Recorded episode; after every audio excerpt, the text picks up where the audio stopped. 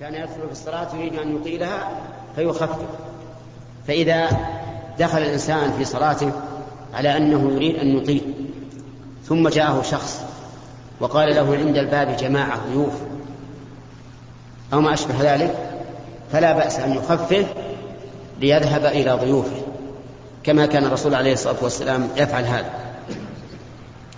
ومن فوائد هذا الحديث أيضا أنه لا حرج على الإنسان إذا شق عليه بكاء ابنه أو ما أو ما يؤذي ابنه من ألم أو شبهه لأن هذا من الأمور الفطرية الطبيعية.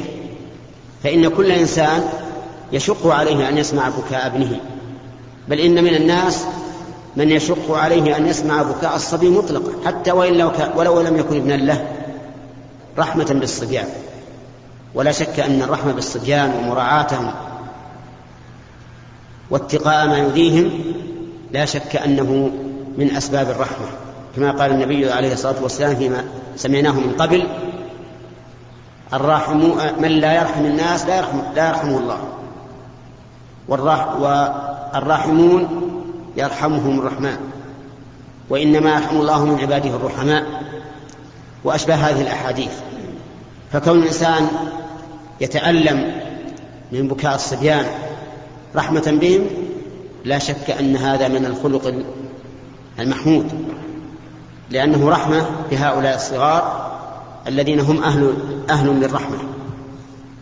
والله موفق. عن جندب بن عبد الله رضي الله عنه قال قال رسول الله صلى الله عليه وسلم من صلى صلاة الصبح فهو في ذمة الله فلا يطلبنكم الله من ذمته بشيء فإنه من يطلبه من ذمته بشيء يدركه ثم يكبه على وجهه في نار جهنم. رواه مسلم.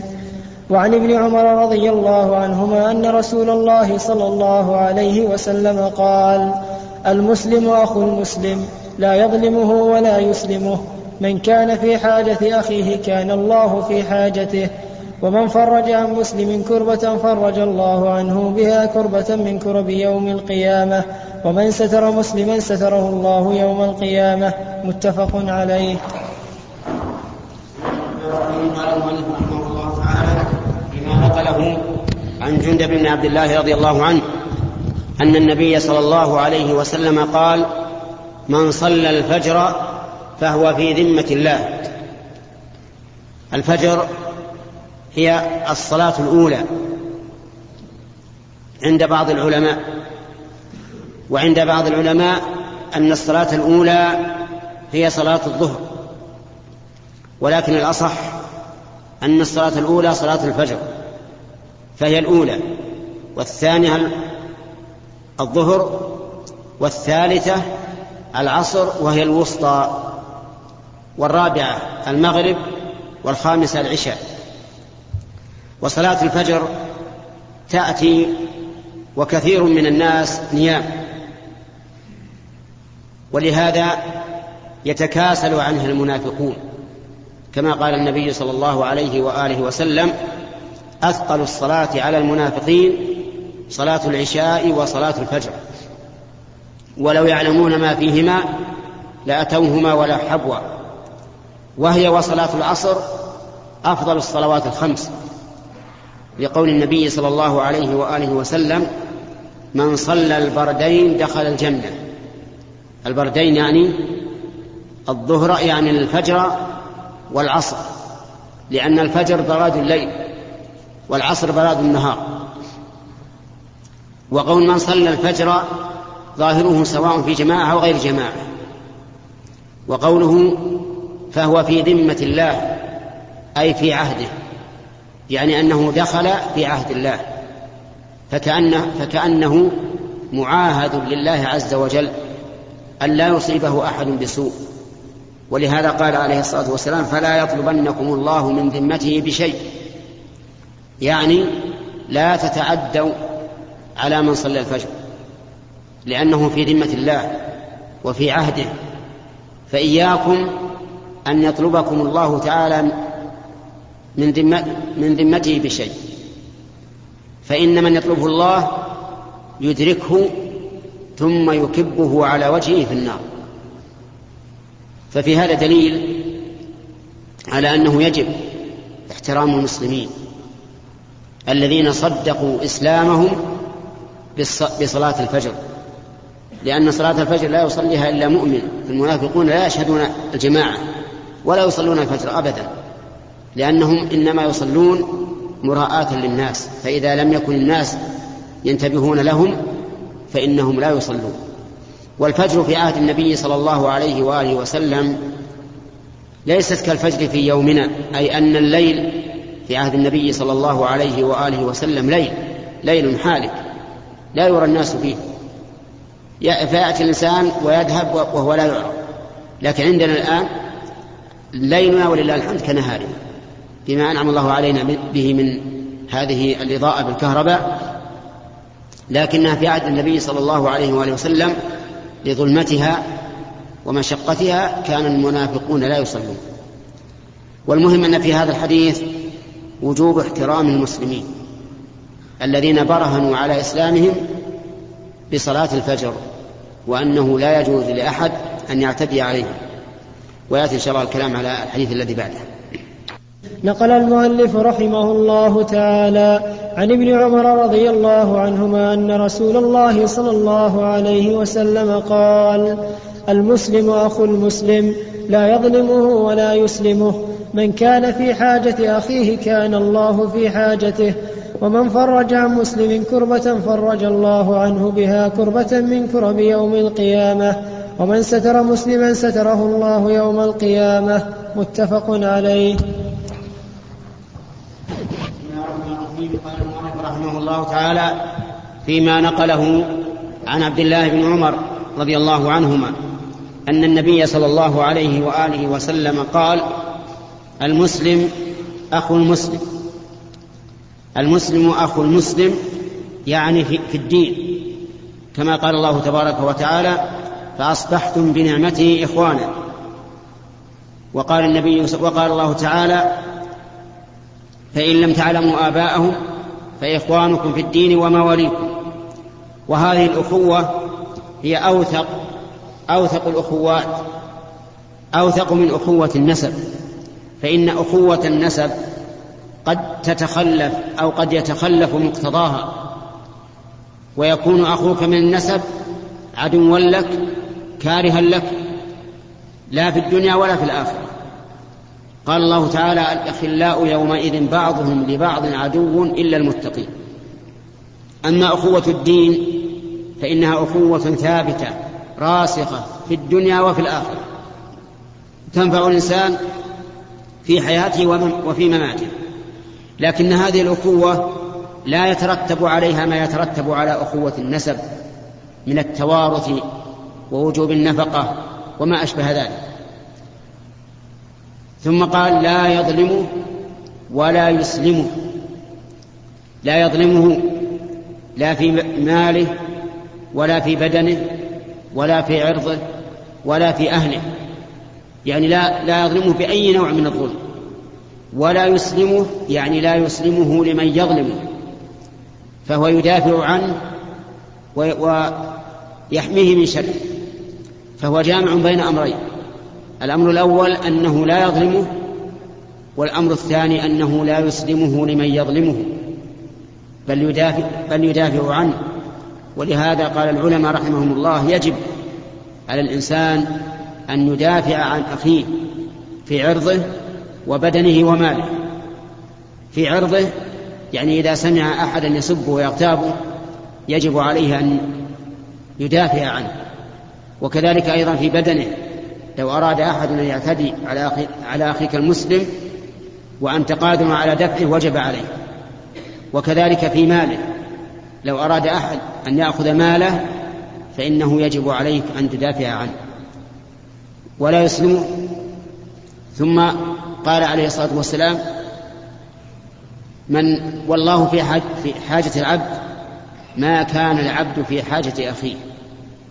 يعني أنك إذا كنت في حاجة أخيك تقضيها وتساعده عليها فإن الله تعالى يساعدك في حاجتك ويعينك عليها جزاء وفاقا.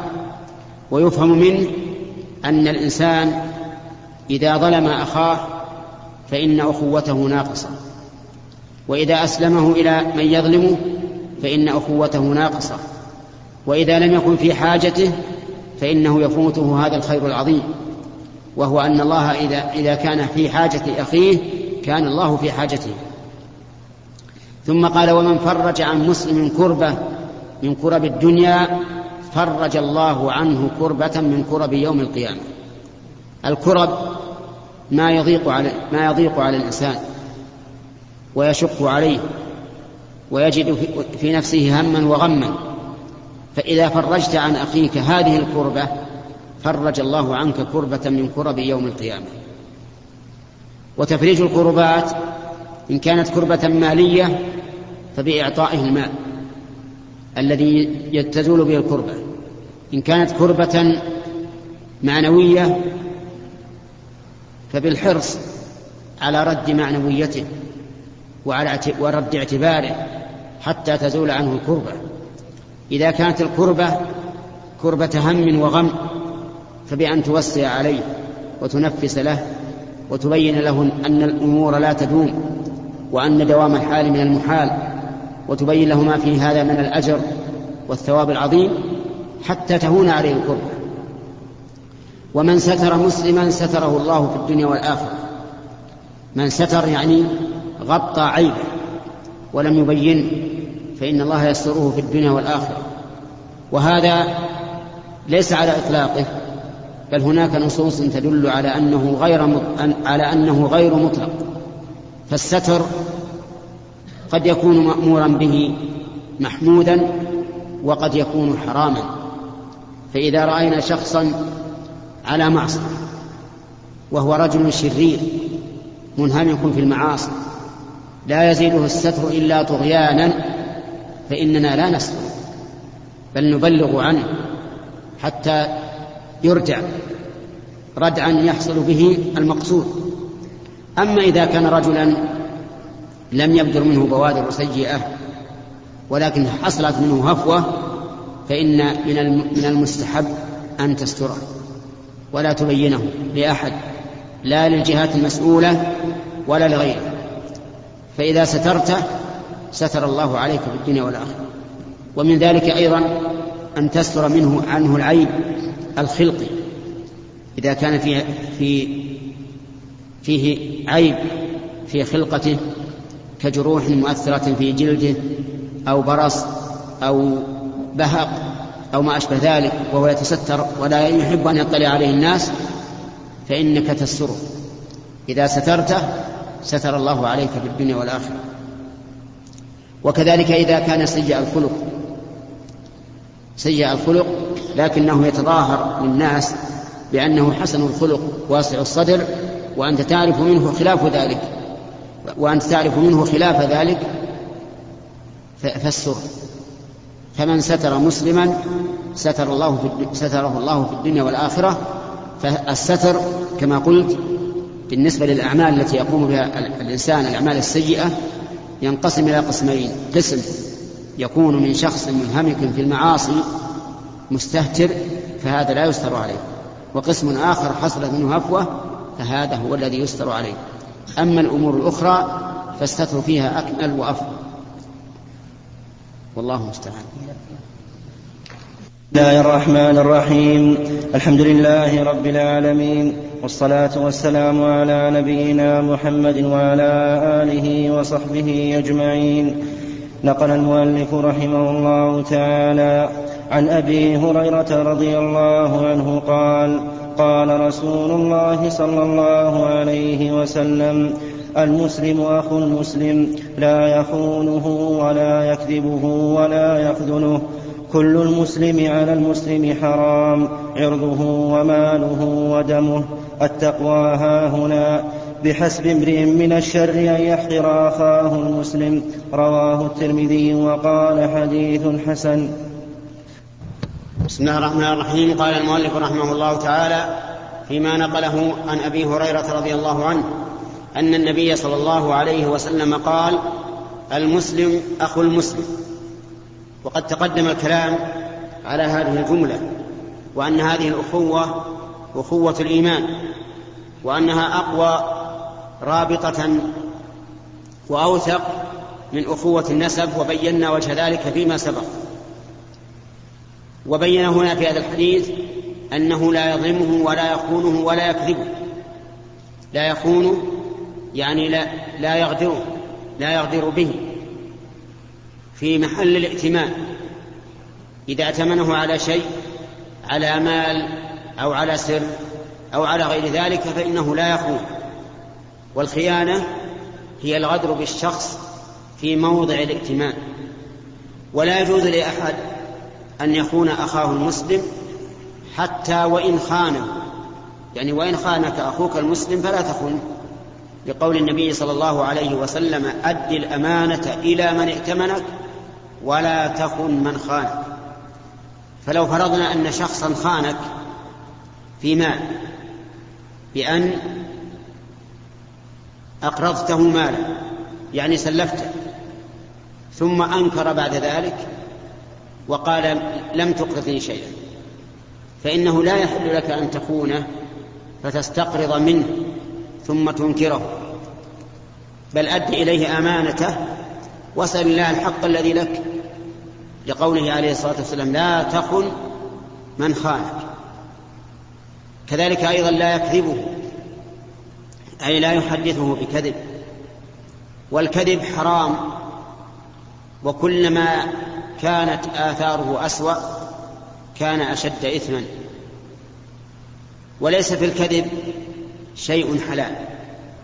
وأما ما ادعاه بعض العامة حيث يقولون إن الكذب نوعان أسود وأبيض. فالحرام هو الأسود والحلال هو الأبيض. فجوابه أن الكذب كله أسود ليس فيه شيء أبيض. لكن يتضاعف إثمه بحسب ما يترتب عليه. فإذا كان يترتب عليه أكل مال المسلم أو ضرر على مسلم صار أشد إثما. وإذا لم يكن يترتب عليه شيء من الأضرار فإنه أخف لكنه حرام.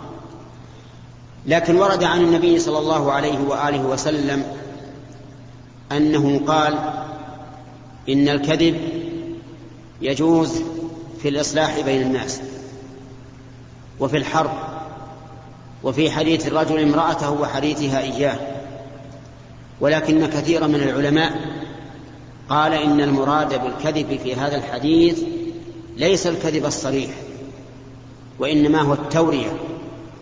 والتورية تسمى كذبا كما قال إبراهيم عليه الصلاة والسلام حين يأتي الناس إليه يوم القيامة ليشفع لهم إنه كذب ثلاث كذبات وهو لم يكذب لكنه ورى تورية يعني أظهر للمخاطب شيء شيئا غير ما يريده هو.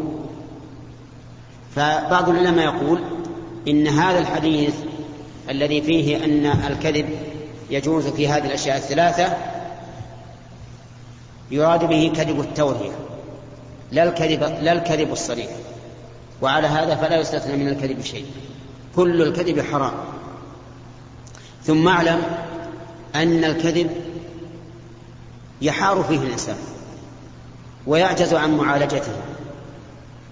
كما قيل لي حيلة في من ينم وليس في الكذاب حيلة. من كان يخلق ما يقول فحيلتي فيه قليلة. اللي ينم يعني الذي يلقي النميمة بين الناس. لي فيه حيلة؟ يمكن أحتال واتخلص منه. لكن اللي يكذب يقول فعلت وفعلت وفعلت وهو كاذب ما في حيلة. الكذاب ما في حيلة. إذا كان يخلق ما يقول ما شاء قاله فهذا مشكل ليس فيه حيلة. من كان يخلق ما يقول فحيلتي فيه قليلة. ولهذا قالت قال العامة كلمة لها روح. يقولون يا ما غدا على الكذاب من صدق. يعني إن الكذاب لو صدق لم يثق الناس به. بل يردون قوله.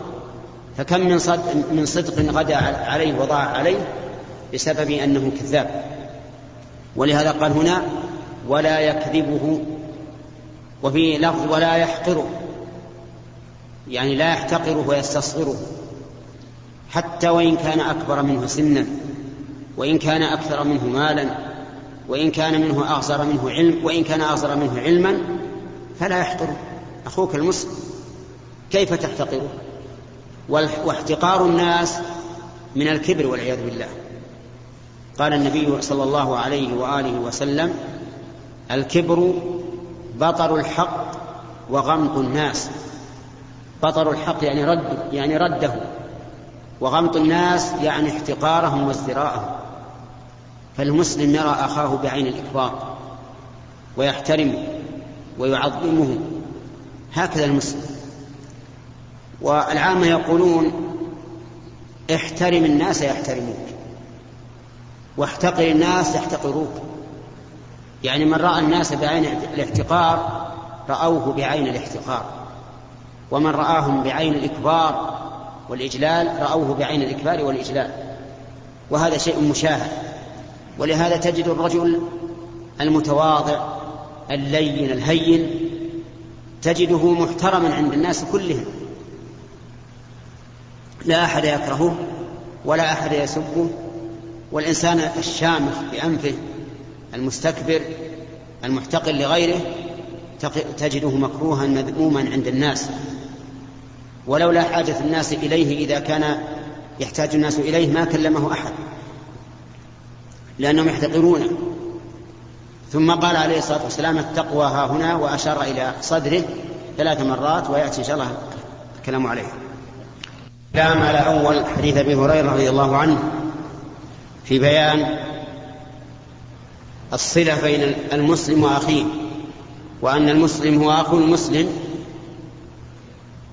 وانتهينا إلى قوله صلى الله عليه وآله وسلم التقوى ها هنا ويشير إلى صدره يعني أن التقوى في القلب فإذا اتقى القلب اتقت الجوارح.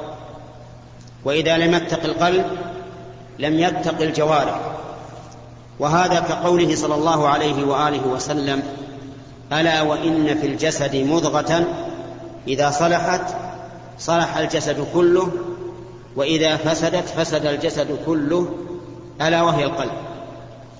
فإذا كان في قلب الإنسان تقوى لله عز وجل وخوفا منه وخشية له استقامت أعماله الظاهرة.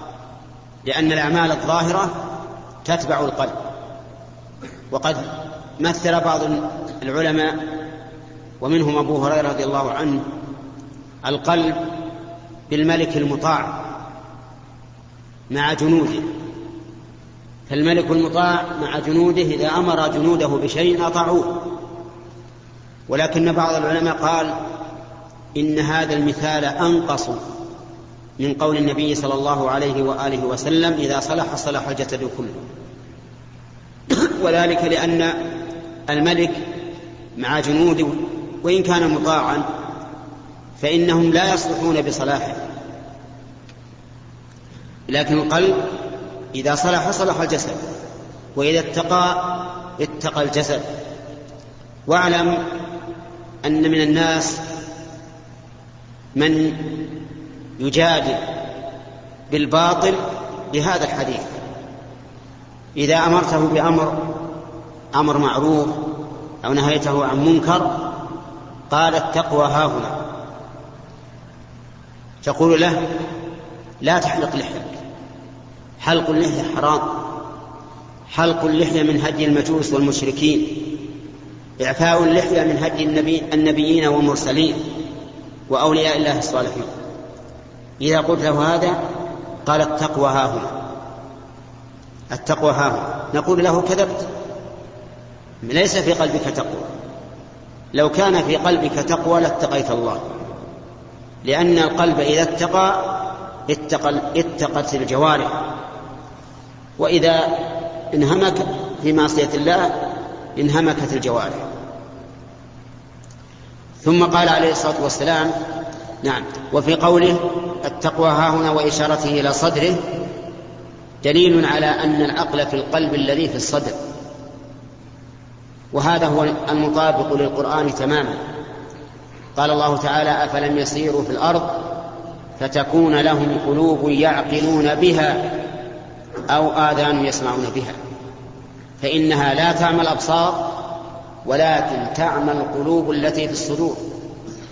فقال قلوب يعقلون بها ثم قال تعمى القلوب التي في الصدور.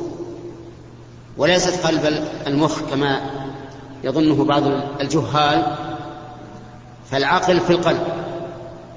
ولكن المخ لا شك أن له اثرا في أعمال العبد في حركاته وفي سكناته. لكنهم قالوا إن المخ مثل مثل الخادم. يهيئ الأشياء ويطبخها ثم يبعث بها إلى القلب ثم يصدر الأوامر ثم يصدر القلب. الأوامر على المخ من أجل أن المخ يدبر الأعصاب وبقية الجسم. فيكون هذا المخ خادما للقلب. عند تصدير الأشياء إليه واستصدارها منه. فهي فالأشياء تمر من القلب ذاهبة وآتية إلى المخ. والمخ هو الذي يحرك البدن. ولذلك إذا اختل المخ اختل كل شيء. قال بحسب امرئ من الشر أن يحقر أخاه المسلم. يعني لو لم يكن من الشر للمسلم إلا أن يحقر أخاه ويستصغره ويستذله لكان كافيا في الإثم والعياذ بالله. وفي هذا التحذير العظيم من احتقار أخيك المسلم وأن الواجب عليك أن تحترمه وتعظمه بما فيه من الإسلام والإيمان. ثم قال كل المسلم على المسلم حرام دمه وماله وعرضه. كل المسلم على المسلم حرام. دمه فلا يعتدي على نفسه بقتل أو جرح أو غير ذلك. وماله فلا يأخذ ماله. لا غصبا ولا سرقة ولا خيانة ولا دعوى ما ليس له ولا غير ذلك. بأي طريق تأخذ مال أخيك بغير حق فإنه حرام عليك. وعرضه أن لا تنتهك عرضه وتتكلم فيه بين الناس سواء كنت صادقا فيما تقول أم كاذبا. لأن النبي صلى الله عليه وآله وسلم لما سئل عن الغيبة فقال هي ذكرك أخاك بما يكره؟ قالوا يا رسول الله أرأيت إن كان في أخي ما أقول؟ قال إن كان فيه ما تقول فقد اغتبته. وإن لم يكن فيه ما تقول فقد بهته. فالواجب على المسلم أن يحترم أخاه في ماله وعرضه ودمه. حرام كل المسلم على المسلم حرام دمه وماله وعرضه. والله أعلم.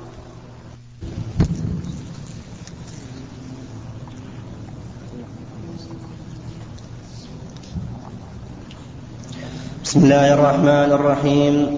الحمد لله رب العالمين والصلاة والسلام على نبينا محمد وعلى آله وصحبه أجمعين.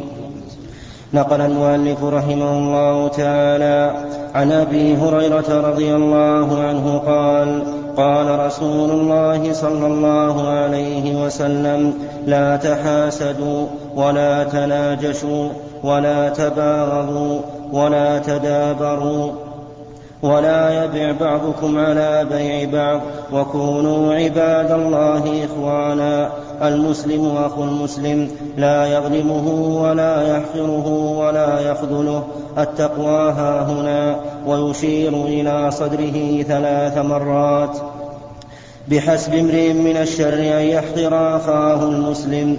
كل المسلم على المسلم حرام دمه وماله وعرضه. رواه مسلم. بسم الله الرحمن الرحيم. قال المؤلف رحمه الله تعالى فيما نقله عن أبي هريرة رضي الله عنه أن النبي صلى الله عليه وسلم قال لا تحاسدوا أي لا يحسد بعضكم بعضا. والحسد أن يكره الإنسان ما أنعم الله به على غيره. هذا هو الحسد. أن يكره الإنسان ما أنعم الله به على غيره. مثاله أن تكره أن الله أنعم على هذا الرجل بالمال أو بالبنين أو بالزوجة أو بالعلم أو بالعبادة أو بغير ذلك من النعم. سواء تمنيت أن تزول عنه أم لم تتمنى. وإن كان بعض العلماء يقول إن الحسد أن يتمنى زوال نعمة الله على غيره لكن هذا أخبثه واشد وإلا فمجرد كراهة الإنسان أن ينعم الله على الشخص هو حسد. والحسد من خصال اليهود. فمن حسد فهو متشبه بهم والعياذ بالله. قال الله تعالى ود كثير من أهل الكتاب لو يردونكم من بعد إيمانكم كفارا حسدا من عند أنفسهم. وقال تعالى فيهم أم يحسدون الناس على ما آتاهم الله من فضله؟ فقد آتينا آل إبراهيم الكتاب والحكمة وآتيناهم ملكا عظيما. ولا فرق بين أن تكره ما أنعم الله به على غيرك ليعود هذا الشيء إليك أو ليرتفع عن عن أخيك وإن لم يعد إليك. واعلم أن في الحسد مفاسد كثيرة.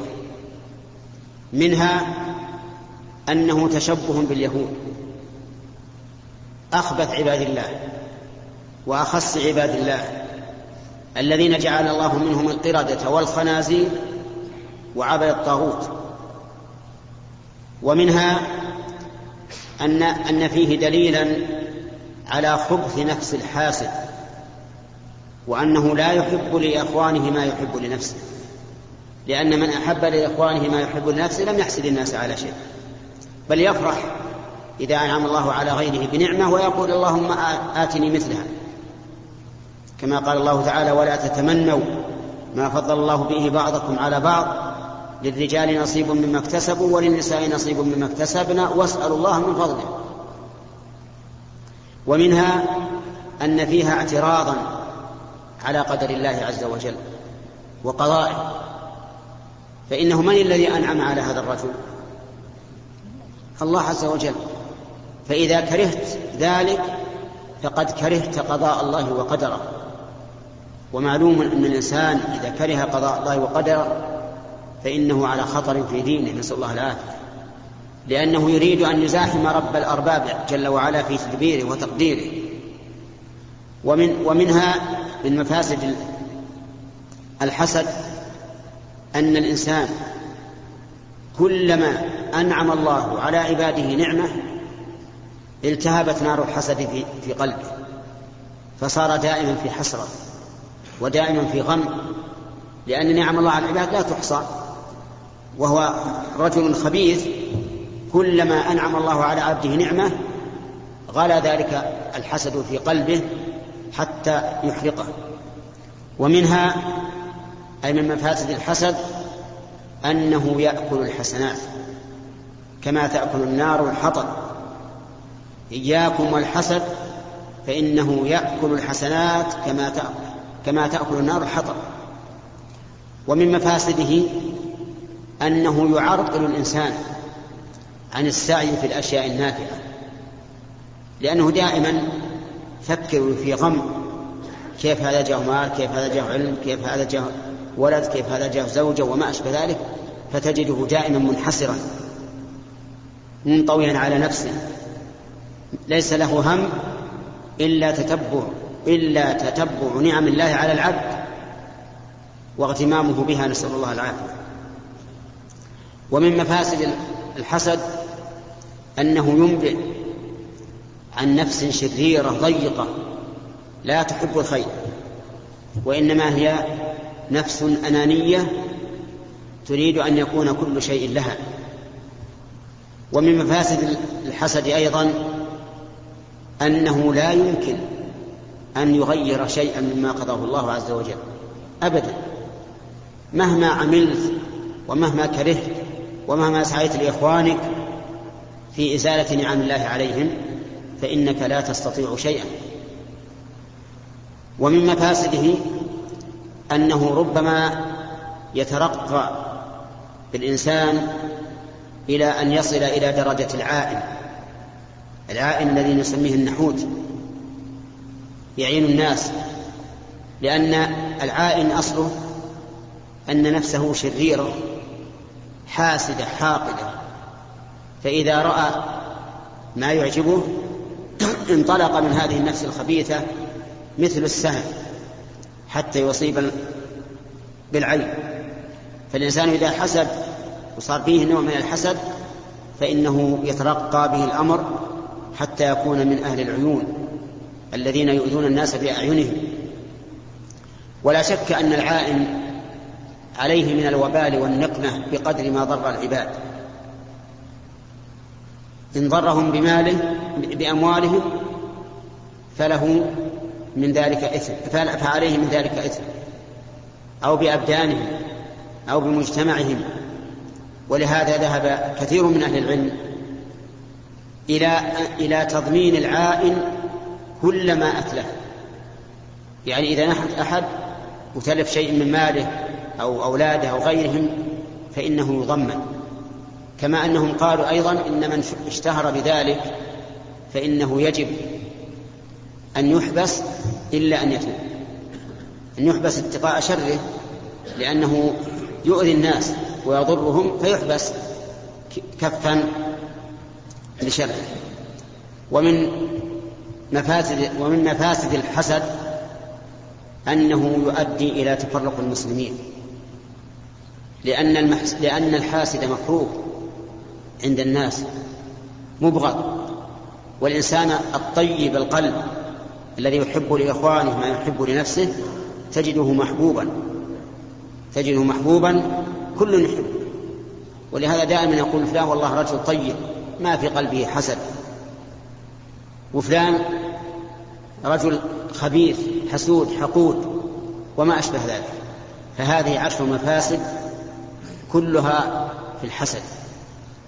وبهذا نعرف حكمة النبي صلى الله عليه وآله وسلم حيث قال لا تحاسدوا أي لا يحسد بعضكم بعضا. فإن قال قائل ربما يجد الإنسان في نفسه أنه يحب أن يتقدم على غيره في الخير فهل هذا من الحسد؟ فالجواب لا. ليس هذا من الحسد بل هذا من التنافس في الخيرات. قال الله تعالى لمثل ذلك فليعمل لمثل هذا فليعمل العاملون. وقال وفي ذلك فليتنافس المتنافسون.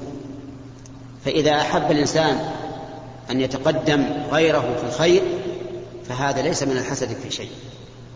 الحسد أن يكره الخير للغير أن يكره الخير للغير هذا هو الحسد.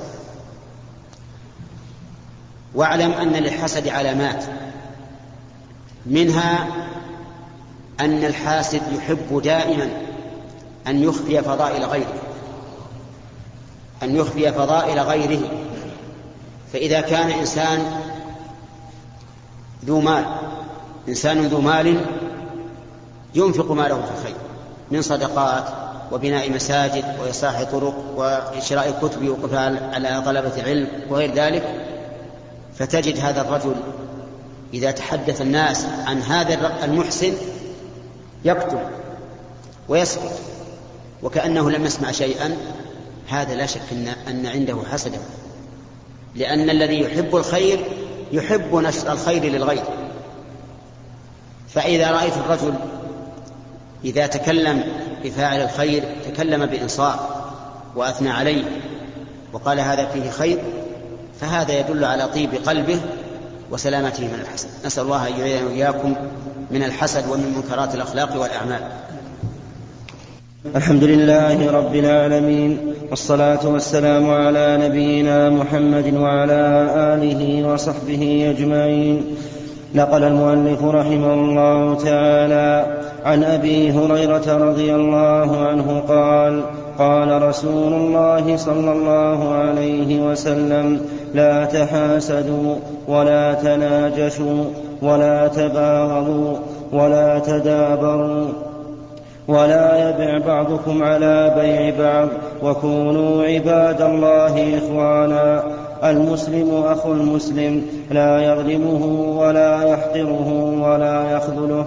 التقوى ها هنا ويشير إلى صدره ثلاث مرات. بحسب امرئ من الشر أن يحقر أخاه المسلم. كل المسلم على المسلم حرام. دمه وماله وعرضه. رواه مسلم.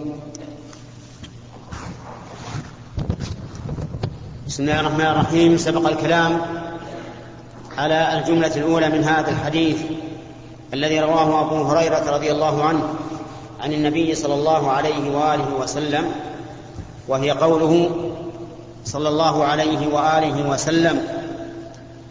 لا تحاسدوا. وبينا معنى الحسد وحكم الحسد وأنه حرام بل هو من كبائر الذنوب. وبينا مفاسده وهي عشر مفاسد. أما قوله ولا تناجشوا أي لا ينجش بعضكم على بعض. والنجش هو أن يزيد في السلعة على أخيه وهو لا يريد شراءه. يزيد في السلعة وهو لا يريد شراءها. وإنما يريد أن يضر المشتري أو ينفع البائع أو الأمرين جميعا. يريد إضرار المشتري ونفع البائع. مثال ذلك عرضت السلعة في السوق فصار الناس يتزايدون فيها. فقال رجل فقام رجل فجعل يزيد فيها وهو لا يريد الشراء. تسام بمئة فقال بمئة وعشرة وهو لا يريد أن يشتريها لكن يريد أن يزيد الثمن على المشتري أو يريد أن ينفع البائع فيزيد الثمن له أو الأمرين جميعا. فهذا حرام. ولا يجوز لما فيه من العدوان. أما إذا إذا زاد الإنسان في الثمن عن رغبة في السلعة ولكن لما ارتفعت قيمتها تركها فهذا لا بأس به. فإن كثيرا من الناس يزيد في السلعة لأنه يرى أنها رخيصة. فإذا زادت قيمتها تركها. هذا ليس ليس عليه بأس. كما أن من الناس من يزيد في السلعة يريدها هي ويزيد حتى تخرج عن قيمتها كثيرا فالناس زيادتهم في السلعة على ثلاثة أقسام. القسم الأول نجش وهو حرام. الثاني أن يزيد فيها لأنه يرى أنها رخيصة وأنها ستكسبه. وليس له قصد بعين السلعة لا يريدها. لكن رأى أنها رخيصة وأنها ستكسبه فجعل يزيد فلما ارتفعت قيمتها تركها. هذا أيضا لا بأس به. الثالث أن يكون له غرض في السلعة يريد أن يشتري مثلا هذه السلعة فيزيد حتى يطيب خاطره هذا أيضا لا بأس به. والثالث ولا تباغضوا أي لا يبغض بعضكم بعضا. وهذا بالنسبة للمؤمنين بعضهم مع بعض فلا يجوز للإنسان أن يبغض أخاه. أن يكرهه في قلبه لأنه أخوه. ولكن لو كان هذا الأخ من العصاة الفسقة فإنه لا يجوز لك أن تبغضه من أجل فسقه. أن تبغضه بغضا مطلقا لكن أبغضه على ما فيه من معصية وأحبه على ما فيه من الإيمان. ومن المعلوم أننا لو وجدنا رجلا مسلما يشرب الخمر ويشرب الدخان ويجر ثوبه خيلاء فإننا لا نبغضه كما نبغض الكافر. فمن أبغضه كما يبغض الكافر فقد انقلب على وجهه. كيف تسوي بين مؤمن عاص فاسق وبين كافر؟ هذا خطأ عظيم. ربما بعض الناس يكره المؤمن الذي عنده هذا الفسق أكثر مما يكره الكافر. وهذا والعياذ بالله من انقلاب الفطرة. المؤمن مهما كان خير من الكافر. أيها الإخوة وبنهاية هذه المادة نودعكم ونلقاكم إن شاء الله في إطلاقة قادمة.